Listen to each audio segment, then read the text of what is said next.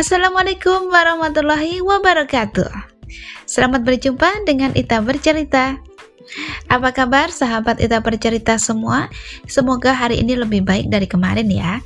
Ya dari semua-muanya, dari sisi kesehatannya, dari mm, rezekinya, dari uh, rasa bahagianya. Amin, amin ya robbal alamin. Sahabat Ita Bercerita, pernah nggak kalian mm, makan nasi anget menunya itu menggunakan oseng pare atau paria.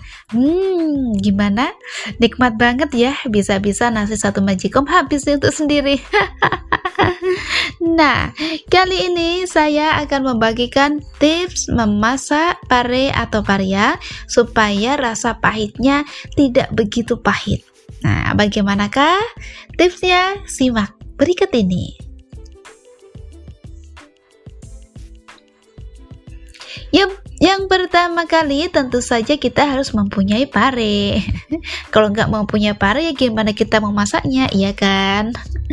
Baik, pilih pare yang uh, tidak terlalu tua ya. Jadi kulitnya itu masih hijau, hijaunya tuh hijau yang masih hijau banget gitu ya. Jadi uh, apa namanya yang kekuning kuningan seperti itu nggak jangan sampai seperti itu maksud saya ya. Belibet ini ngomongnya. Masya Allah. Nah, pare yang sudah kita miliki itu kita cuci dulu sampai bersih. Berikutnya, potong pare menjadi dua bagian. Terus dibelah ya parenya, keluarkan isinya yang berupa biji dan seperti apa yang daging putihnya itu ya. Nah, itu uh, itu adalah bagian pahitnya. Jadi kita keluarkan mereka semua. Jadi tinggal nanti uh, berlobang gitu ya tengahnya. Setelah itu kita iris tipis-tipis. Kenapa tipis-tipis? Karena kalau tebal nanti rasa pahitnya itu masih uh, masih kau banget gitu ya. Kita iris tipis-tipis.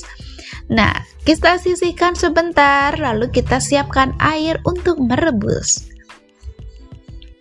Air untuk merebusnya kita tambahi gula 3 sendok makan, lalu garam 2 sendok teh dan cuka 1 sendok makan eh, atau 2 sendok makan juga boleh ya. Nih biarkan airnya sampai mendidih. Jadi tadi yang direbus itu air, gula, garam dan juga sampai mereka mendidih bareng-bareng. Gak mungkin ya mendidihnya satu-satu pasti bareng. Nah setelah itu kita masukkan pare tadi yang sudah diiris-iris tipis. Kita tunggu sampai bergolak kembali ya. Ya sambil kita aduk-aduk sebentar. Setelah bergolak langsung kita angkat. Supaya apa? Supaya parenya nanti tidak begitu lembek. Hmm, jadi pas kita makan tuh masih ada sensasi kres-kresnya. Mhm. Setelah itu kita tiriskan pareknya, lalu kita membuat bumbu ya. Kalau saya biasanya suka membuat bumbu oseng yang sederhana saja. Kita tambahin dengan teri, teri medan ya, teri medan atau teri lampung. Digoreng terlebih dahulu. Lalu bawang merah, bawang putih, cabai, ya seperti biasa kita oseng terlebih dahulu ditumis-tumis. Uh, berikan juga garam ya.